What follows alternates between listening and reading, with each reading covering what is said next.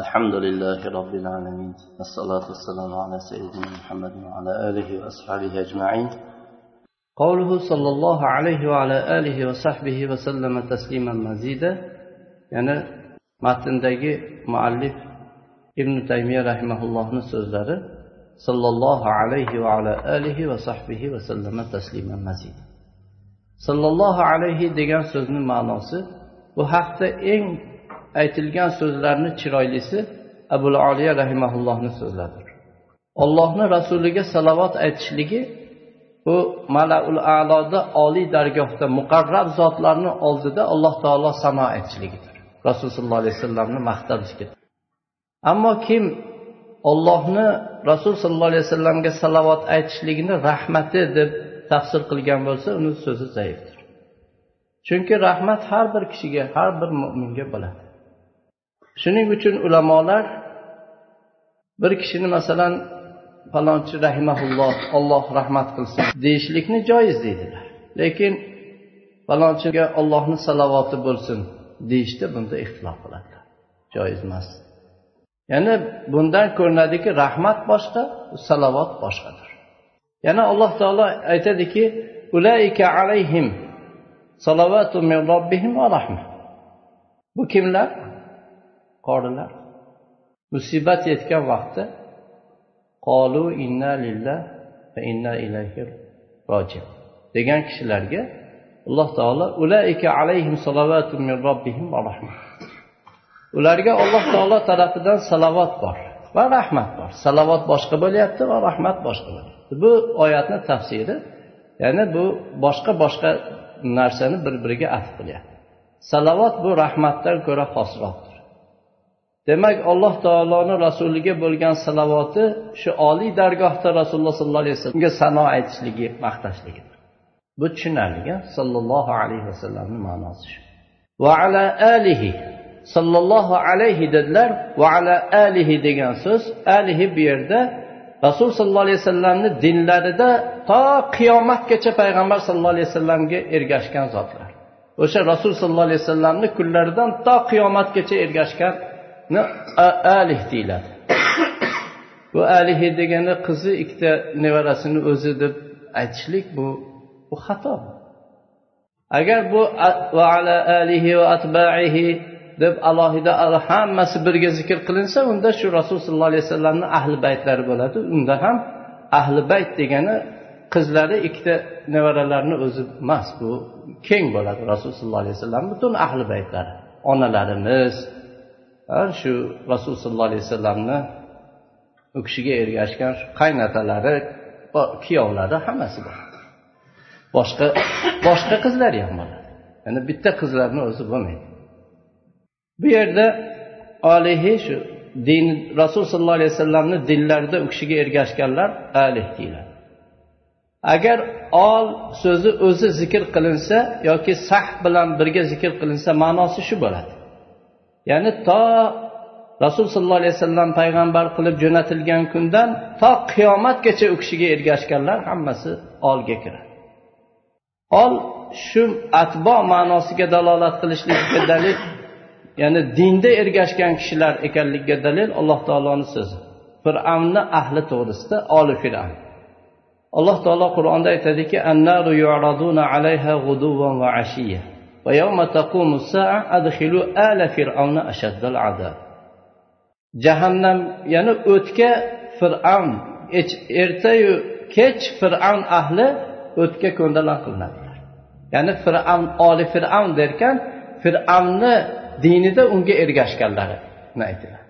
Chunki bu oyatni yuqorisida keladi va haqa bi ali fir'avna fahaqa bi ali fir'avn ya'ni fir'avn ahliga shu azob haq bo'ldi alloh taolo hammasini g'arq qilib yubordi. G'arq qilib yuborgan fir'avnni qizi oilasini o'zi emas edi. Butun fir'avnga ergashganlarni hammasini alloh taolo g'arq qilib yubordi. Va bu oyatda alloh taolo aytyaptiki bu fir'avn ahli ertayu kech o'tga ko'ndalang qilinadilar ya'ni to qiyomatgacha qabr azobi borligi bu oyatda. Keyin qiyomat kuni bo'lganda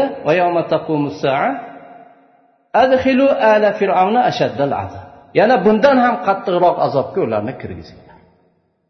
Ungacha bo'lgan azob bu nima? Qabr azob. Qiyomatdan keyin bo'ladigan undan oldin bo'ladigan azob u qabr azobi. Qiyomatdan keyin hisob kitobdan keyin bo'ladigan azob u jahannam azobi. Ashaddal azab deb ifodalayapti ya'ni bu qabr azobini inkor qilguvchilarga ham yaxshi javob bu oyat. Ya'ni al darakan fir'avn ahli. Fir'avnni dinida unga tamoman ergashganlar. Ammo ol atbo bilan kelsa va ala alihi va atbaihi desa unda olni ma'nosi ular rasul sollallohu alayhi vasallamni ahli baytlaridan mo'minlarga mo'minlar shayxul islom ibn taymiya rahmaulloh bu yerda atboni zikr qilmadilar alihi va sahbihi dedi ya'ni alihi der ekan rasululloh sollallohu alayhi vasallamni butun u kishiga shu payg'ambar qilib jo'natilgandan to qiyomatgacha dinlarida ergashgan zotlar. Shunga bu salovatda keladi allohimma solli ala muhammadin va ala ali muhammad kama sollayta ala ibrohima va ala ali ibrohim endi sizlar va ashabihini qayerdan topib olasizlar desa ashob hammasi bu olga kiradi. Oldan boshqa narsa emas. Ashobni zikr qilishlik masalan atful xos alal om. Omga xosni atf qilishlik jumlasida ya'ni ularning fazilatlarini ko'pligini zikr qilishlik jumlasida tushunarliga ba'zi shubhalarga ham bu bular yaxshi bir javob bo'ladi. Ol degani rasul sollallohu alayhi vasallamni dillarida u kishiga ergashganlar. Sah bo'lsa rasululloh sollallohu alayhi vasallam bilan mo'min holatda jamlanib birga bo'lib shu iymonda vafot etgan zotlar. Rasul sollallohu alayhi vasallamni sahobalari. Endi bu yerda sahni sahobalarni olga atf qilishlik bu xosni omga atf qilishlik jumlasida chunki ashobi kirom bu mutlaq tobelardan ko'ra yana ham xosroq zotlardir. Dinni eng yetkazgan bu dinni payg'ambar sallallohu alayhi vasallamdan olib qiyomatgacha ummatga yetkazishlikka olloh tanlagan zotlardir. Allohni rahmati ollohni roziligi bo'lsin. Shunday butun vujudlari borlarini bu dinga fido qilgan zotlar. Yahud nasorolar o'zlarini shu payg'ambarlarini atbolarini shu yahud nasoroki kofir bular mutlaq kofir. Bizni e'tiqodimizda bular kofir yahud nasorolar jahannam ahli. Shular ham o'zlarini payg'ambarlarini atrofida bo'lgan ashoblarini yaxshilik bilan esga oladi. Lekin bu ummatga kelib shunday bir habis bir insonlar chiqdiki ashoblarni murtadlik bilan ularni haqorat bilan payg'ambarni oilalari ahli baytlari bo'lgan onalarimizni haqorat bilan zikr qiladigan shunday bir maxluqotlar shunday bir kofirlar bor. Vasallama tasliman mazida.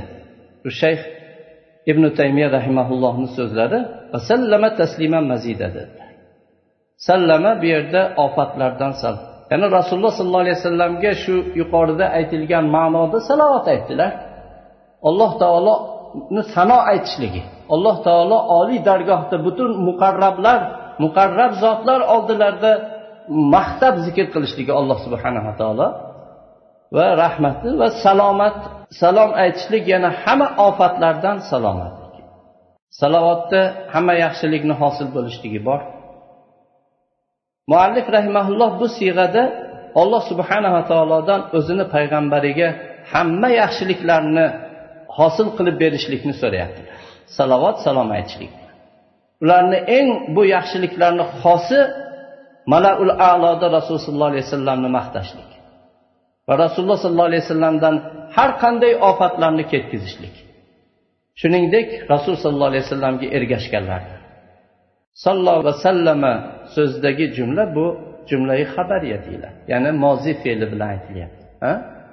Lekin bu xabariya jumla ma'nan talabiy jumla. Chunki bu yerda maqsad duo.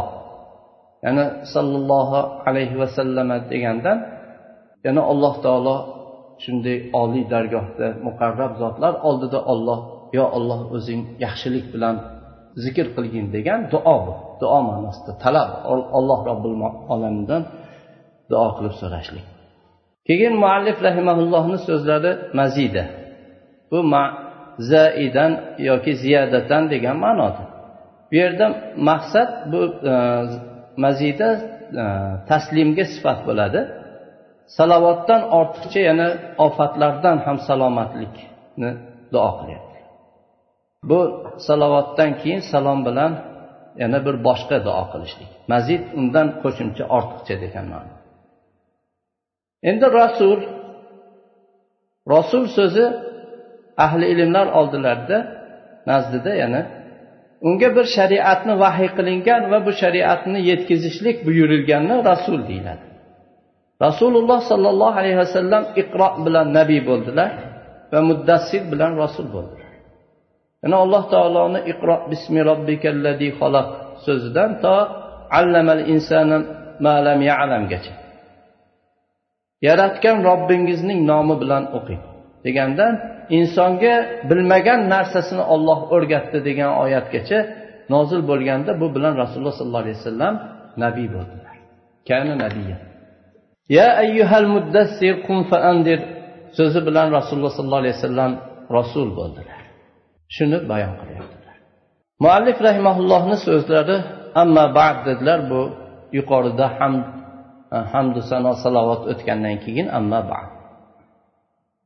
أما بعد فهذه اعتقاد الفرقة الناجية ila qiyamis قيام ahli sunnati السنة والجماعة bu qiyomat qoim bo'lgungacha alloh taolo tarafidan nusratlangan najot topuvchi firqaning e'tiqodidir mana ya'ni ahli sunna va jamoa e'tiqodidir bu deb yozgan endi ammo bad degan so'zlarda ammo bu ismi shart keyin fe'li shartdan noib bo'ladi deydilar. Taqdir mahma yakun min shayin degan ma'noda bo'ladi. Ibn molik alfiyalarda buni aytadilarki amma kamahma yakun min shayin. Fo esa va fa litilviha vujuban ulifa. Deganda ammo mahma yakun min shayin degan ma'noda. Ya'ni yuqorida nima bo'lsa bu yergacha degan so'zda. Keyin fo bilan firqadagi fo bu undan keyin bu yuqorida bo'lgan bu hamdu sanolarga ergashib keladi. Buni ergashishligi vujuban deb topilgan deydilar. Ya'ni shunday e, she'r bilan imom molik bayon qilgan. Demak bu yerdagi ammo badni taqdiri mahma yakun min shayin ba'da hada deb fahaza deb keyin bu yoqqa ishora bo'ladi. Ya'ni bundan keyin nima bo'lsa bu ana budir deb. Shunga asosan bu yerdagi fo javobga bog'langan fo bo'ladi.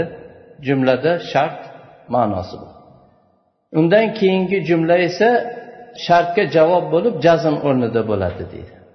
Lekin meni oldimda ehtimol bunday bo'ladi deydilar. Amma badu fahaza degan so'z ya'ni mo bu yerda harfi shart va harfi tafsil yoki harfi shart faqat tafsildan ham xoli.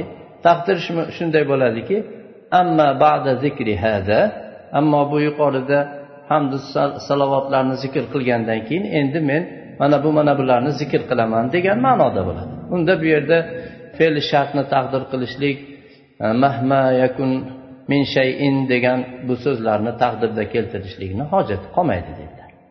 Yana aytamizki ammo harf bu jumla o'rniga o'tgan bir harf bo'lsa unda ammoni o'zi shart bo'ladi buyog'i javob bo'ladi bu ham bo'ladi. Fahada e'tiqodi degan so'z hada o'zi ismi ishora bu degan so'z. Bu ismi ishora bir bor narsaga ishora qilinadi. Masalan men bu desam shu ko'rinib turgan zohir bir his qilinayotgan bu deb bir narsaga ishora qilgan bu yerda muallif rahimaulloh xutbani yuqorida o'qidilar. Kitobdan oldin yozganlar. Endi bu kitob butun bu shahodat hamma ko'rib turgan olamga ko'rish chiqishdan oldin xutba o'qiganlarku qanday hali kitob yozilmasdan hada deb ishora qilishlik qanday durust bo'ladi desa aytamizki ulamolar aytadilarki muallif kitobni yozadi keyin muqaddama yozadi xutba yozadi. Ha unda bu yerda kitobni yozib qo'yib unga muqaddama xutba yozsa mushorin ilay hada deb ishora qilinayotgan kitob tayyor yozilgan ko'rinib his qilib turilibdi. Bo'lsa bunda hech ishkol yo'q. Agar hali yozmagan bo'lsa ishora qiladigan bo'lsa unda muallif zehnida endi yozadigan ma'nolarga ishora qiladi. Buni bu kitobda endi yozadigan narsasiga. Bu bittasi. Lekin bu yerda bularni hammasi aytildiyu yaxshiroq uchinchi bir vaj ham bor. Muallif buni muxotabni hada deb aytishlari bu yerdagi o'quvchini holatini e'tibor bilan aytadilar. O'quvchi albatta bunga xitob qilinadi. Bu kitob chiqqandan keyin kitob bosmalardan chiqib bo'lgandan keyin bu hozir bilan keyin unga xitob qilinadi. Shuni e'tibor bilan bu siz ey o'quvchi bu sizni oldingizdagi mana bu kitob degan bunday bundaydir bu kitob degan ishora bo'ladi. Uni hech bu bilan tamom. E'tiqod degani e'tiqod mana sarf o'qiganlar bo'lsalar bu iftiol bobidan aqdni iftiol bobidan aqd degani bu bir narsani bog'lash mahkamlash bog'lab mahkam qilishni aqd deyiladi. Yana bu lug'aviy sarfi shu. Ammo istilohda ulamolar nazdida istilohda bu qat'iy zehn hukmini e'tiqod deyiladi. Masalan aytadiki men mana shunday deb e'tiqod qilaman degani qalbimda shunday qat'iy shunga ishonaman degan so'z bo'ladi. Bu zehnni qat'iy hukmi bo'ladi. Bu agar voqeaga mos bo'lsa to'g'ri bo'ladi agar voqeaga xilof bo'lsa fasod e'tiqod bo'ladi. Ya'ni haqiqatga voqelikka to'g'ri kelsa sog'lom sahih aqida e'tiqod bo'ladi agar unga xilof bo'lsa fasod. Biz masalan musulmonlar alloh taolo yagona yolg'iz ollohdir deb e'tiqod qilamiz. Bu voqea shunday. Haqiqatdan alloh taolo mana bu to'g'ri e'tiqod endi nasoro aytadiki olloh uchtadir. Uchtani bittasi olloh bittasi xotini bolasi. Va hokazo. Bu voqeaga haqiqatga xilofdir bu fasoddir endi bu yerda aqd degani bu bog'lash bo'lsa mustahkamlashlik bo'lsa bu istilohdagi bu termindagi bu ma'no bilan qanday bog'lanishi bor desa buni bog'lanishi ochiq ya'ni bu aqida degan so'z bu inson o'zini qalbida bir narsaga qattiq hukm qiladi. Ya'ni go'yoki uni qalbiga mahkam bog'lab mustahkamlab hech bundan yechilib bo'shab ketmaydigan qilib olgan narsani e'tiqod deyiladi bu jihatdan ma'no jihatdan shunday. E'tiqod deganimiz shunday. Ma'no bilan istilohni bog'lanishi. Shayx ibn taymiya rahimaulloh fahada e'tiqodil firqati najiya dedilar. E'tiqod degan so'zni tushundik a firqa degani fo kassalik bo'lsa bu toifa ma'nosida bo'ladi. Alloh taolo aytadiki tavba surasida deganda shu jangga chiqib ketayotganlar hamma jangga chiqmasdan o'tirishligi noto'g'ri bo'lganga o'xshash hamma hech kim qolmasdan jangga chiqib ketishi ham noto'g'ri. Bir firqa bu chiqib ketayotganlardan bir firqa turib talabi ilm qilib rasululloh sollallohu alayhi vasallamga nozil bo'lgan vahiy va ahkomlar bularni o'rganibki ular kelsa bularni ogohlantirsalar. Bunga alloh taolo chaqiradi. Palovlai tahriz bilan chaqiradi. Bu yerda yana firqa ma'nosi bir toifa. Shu ketayotganlardan bir toifalari qolib shunday qilishliklar bir toifa ma'nosi. Ammo furqa bo'lsa fo zammalik bo'lib qolsa unda bu iftiroq tarqalish sochilib ketishdan degan ma'noda bo'ladi. Bu yerda furqa emas firqa. Firqatin najiya degani bu najiya najodan najo fe'lidan ismi foil. Ya'ni inson najo degan najot topdi. Salomat qolsa naja deyiladi yana bu firqatun nojiya bo'lsa najot topguvchi firqa bo'lsa nimadan najot topuvchi firqa? Dunyoda bid'atdan najot topgan bid'atdan salomat oxiratda jahannamdan salomat bo'lgan toifa. Ho'p bu ma'nosining nima dalili bor desa nabiy sallallohu alayhi vasallam hadisda aytyaptilarki bu ummat yetmish uch firqaga bo'linadi. Hammasi jahannamda bo'ladi bittasi najot topadi. Demak oxiratda u jahannamdan najot topadigan firqa ekan. Shunda aytishdiki ya rasululloh ular kimlar? deb so'rashdi. Aytdilarki man kana ala misli ma ana alayhi ashabi dedilar. Kim men va meni sahobalarim bo'lib turganni misolida bo'lsa o'shalar dedilar. Ya'ni bidatda emas ekan. Sunnatni ustida sunnatda jam bo'lib shu sunnatda mahkam bo'lib turgan kishilar ekan. Yana bu dunyoda firqatu noja kim? Bidatu xurofotu bu shariatdan tashqari yo'llarni hammasidan najot topuvchi shu fe'li bilan oxiratda jahannamdan najot topuvchi firqa. Nojiyaning ma'nosi shu. Bu hadis bizlarga bayon qilib beradiki najiya kim?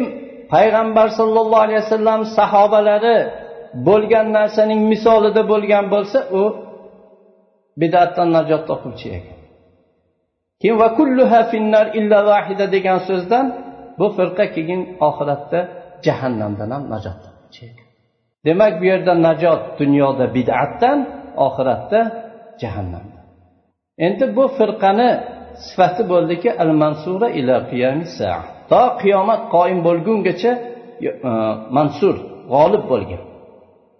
Muallif rahimaulloh bu hadisga muvofiq mana shu iboralarni keltiryapti.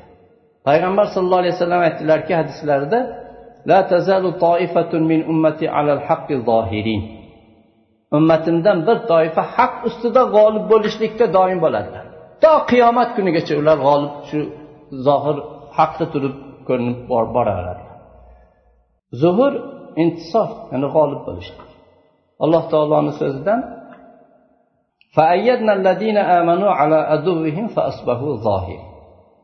nasorolardan bir toifasi islomni qabul qildi bir toifasi qabul qilmadi. Qabul qilganlarga alloh taolo sabot berdi yordam berdi. U qabul qilmagan botil toifaga ular g'olib bo'lishdi. Demak bu yerda asbahu zohirin ya'ni asbahu g'olibin. Bular g'olib bo'ldilar. Ularga yordam beradigan kim? Alloh taolo farishtalar mo'minlar demak bu toifa yordam berilgan toifa. Qachongacha? Ila qiyamissa qiyomatgacha yordam berildi rob taolo tarafidan farishtalar tarafidan va mo'min bandalar tarafidan yordam beriladigan toifa. Hatto gohida inson jinlar tarafidan ham yordam beriladi. Jin yordam berib dushmanini qo'rqitib turadi. Yana bularga yordam kelishi to qiyomat qoyim bo'lgungacha. Ay ila yawmil qiyomat to qiyomat kunigacha. Qiyomat qoyim bo'lgun bo'ladigan kungacha bular shunday yordamlanib g'olib bo'lib boradilar endi bu yerda bir bir mushkulot kelib qoladi. Rasululloh sollallohu alayhi vasallam xabar berdilarki qiyomat xalqlarning eng yomonini ustiga qoyim bo'ladi. Ya'ni qiyomat qoyim bo'lganda olloh deyiladi hech olloh deyilmay hech olloh deydigan hech kimsa qolmaydi.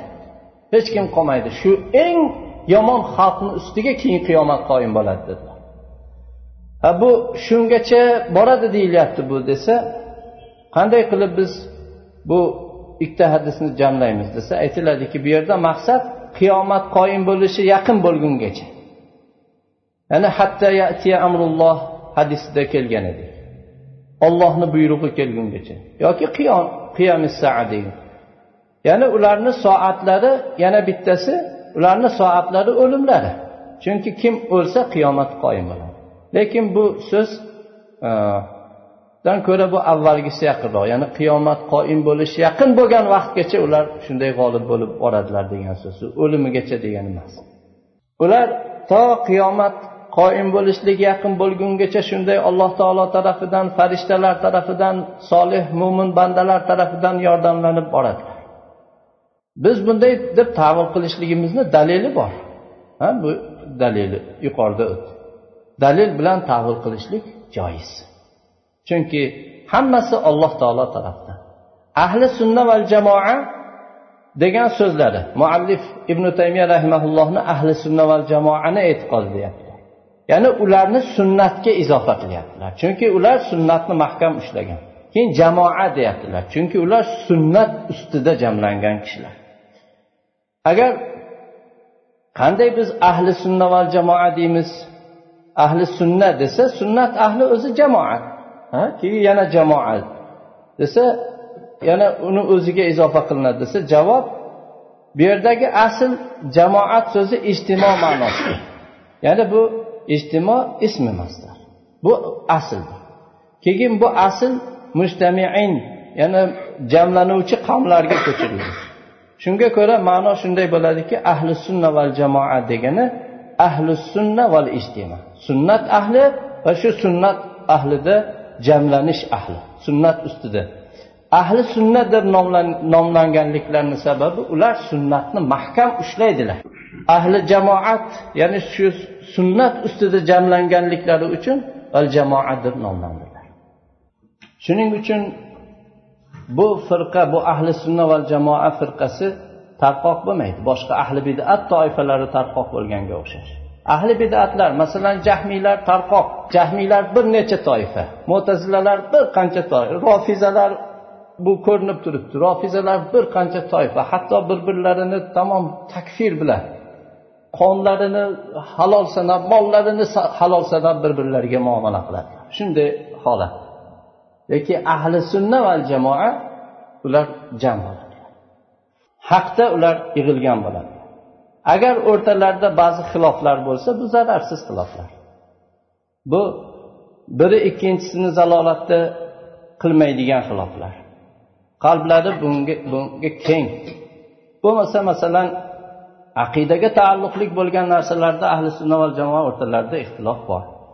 Masalan nabiy sallallohu alayhi vasallam robbilarini merojga chiqqanda o'z ko'zlari bilan ko'rdilar yoki ko'rmadilarda ixtilof qiladilar. Shunga o'xshash qabr azobi badanga ham ruhga ham bo'ladi ba'zilar ruhga faqat ruhga bo'ladi deganga o'xshash. Yana ba'zi ishlar borki shunday ixtilof qiladilar. Lekin bu e, usullarga nisbatan far'iy masalalar deb hisoblanadi. Bu usullardan emas. Yana shu bilar ular bunday e, bu farqlari bo'lsa ham lekin bir birlarini zalolatda demaydilar. Ahli bidatlar tamoman buning xilofidadir. Demak ahli sunna val jamoa sunnat ustida jamlangan odamlar. Ular sunnat ahli va sunnatda jamlangan ahldirlar. Muallifning so'zlaridan bilinadi rahmaulloh ahli sunna val jamoaga ahli sunna val jamoa yo'llarida qarshi bo'lgan odamlar bu jamoaga kirmaydi. Masalan ashariylar. Bu ahli sunna val jamoa deyilmaydi. Moturidiylar. Ular ahli sunna val jamoa bu bobda ahli sunna val jamoadan hisoblanmaydilar. Chunki ular nabiy sollallohu alayhi vasallam va sahobalar bo'lgan narsaga muxolif ular. Alloh subhanava taoloni sifatlarini ijrosida va uni haqiqatiga shu olloh o'zini sifatlagandek rasululloh sollallohu alayhi vasallam sifatlagandek sifatlamaydilar ular. Yo tashbeh ahli yoki ta'til ahli shunaqa bo'ladi endi shuning uchun bu yerda mana bu gap xato bo'ladi. Ahli sunna va jamoa uch toifadirlar. Salafiylar bo'ladi ashariylar bo'ladi moturidiylar bo'ladi. Bu xatodir. Qanday qilib ahli sunna bo'ladi? Ular bir biriga bilan tamom ism sifatlarda hamma aqidada qarama qarshi bo'lib turib qanday? Haq bitta bo'ladi haqdan keyingisi zalolat bo'ladi. Qanday qilib ular ham bir biriga tamom rad qilib turib har biri haq bo'lib ahli sun bu bunday bo'lishi mumkin emas. Ikkita qarama qarshi narsani jamlashlik mumkin bo'lmaganga o'xshash mumkin emas. O't bilan suv jam bo'ladimi jam bo'lmaydi. Yo bu buni halok qiladi yo bu buni halok qiladi. Agar jamlash mumkin bo'lsa unda ahli sunna va jamoaligiga tamom taslim bo'ladi bo'lmasa mumkin emas. Shubhasiz bu yerda ularning bittasi bu salafiylar moturidiylar ashariylar shulardan bittasi ahli sunna va jamoa. Ho'p kim u? Ashariylarmi oturiylarmi yoki salafiylar? Biz aytamizki kim sunnatga muvofiq bo'lsa o'sha. Rasul sollallohu alayhi vasallamni shahodatlari bilan ala mislima ana alayhi va ashabil yavm dedilar. Bugungi kunda men va meni sahobalarim bo'lib turganning misolida bo'lgan kishilar dedilar. Bu sunnat egasi budir kim sunnatga xilof qilsa u sunnat ahli emas. Biz aytamizki salaflar ummatning salafi. Ashobi kirom tobiinlar salaflar ular sunnat ah-, ahli sunna va jamoa ulardir. Ulardan boshqasiga bu sifat hech qachon to'g'ri bo'lmaydi. Kalimalar u ma'nosi bilan e'tiborga olinadi. Ahli men salafiyman yo men ahli sunnaman deyish bilan bu men salafiyman deb butun salaf qilgan ishlarga xilof ishni qilib yurishlik bilan salaf bo'lmaydi. Yoki men ahli sunnaman deb turib sunnatga tamoman hayotida zid bo'lib yurishligi bilan u ahli sunna deymaydi. Bu nomni bu ma'nosiga tamom xilof bo'lishligini biz mana hayotda ko'rib turibmiz. Islom degan kofir solih degan fosiq pokiza degan nopok yashasin degan murdor ularni hammasini ko'rdik. Ya'ni so'zlar bu ma'nolari bilan e'tiborga olinadi. Biz qaraylik kim sunnatga xilof bo'lsa qanday biz uni ahli sunna deb nomlaymiz? U mumkin emas. Uchta bir biriga tamom qarama qarshi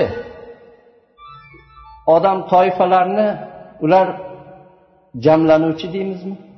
Qayerda jamlanish ahli sunna val jamoa ular e'tiqodda ham o'sha ummatning salafidirlar. Hatto mutaaxirlar to qiyomatgacha payg'ambar sallallohu alayhi vasallam va ashobi kirom yo'llarida bo'lgan odam salafiydir haqiqiy sunnatda bo'lgan va shu sunnatda jamlangan sunnatga komil ittiboda bo'lgan kishilar ular ular salafiydir ahli sunna va jamoa bulardir alloh taolo bizlarni ham shu o'zi yaxshi ko'rgan sunnatda jamlangan sunnatni mahkam ushlagan shu dunyoda bid'atu xurofotlardan najot topadigan oxiratda jahannamdan najot topadigan shu toifadan qilsin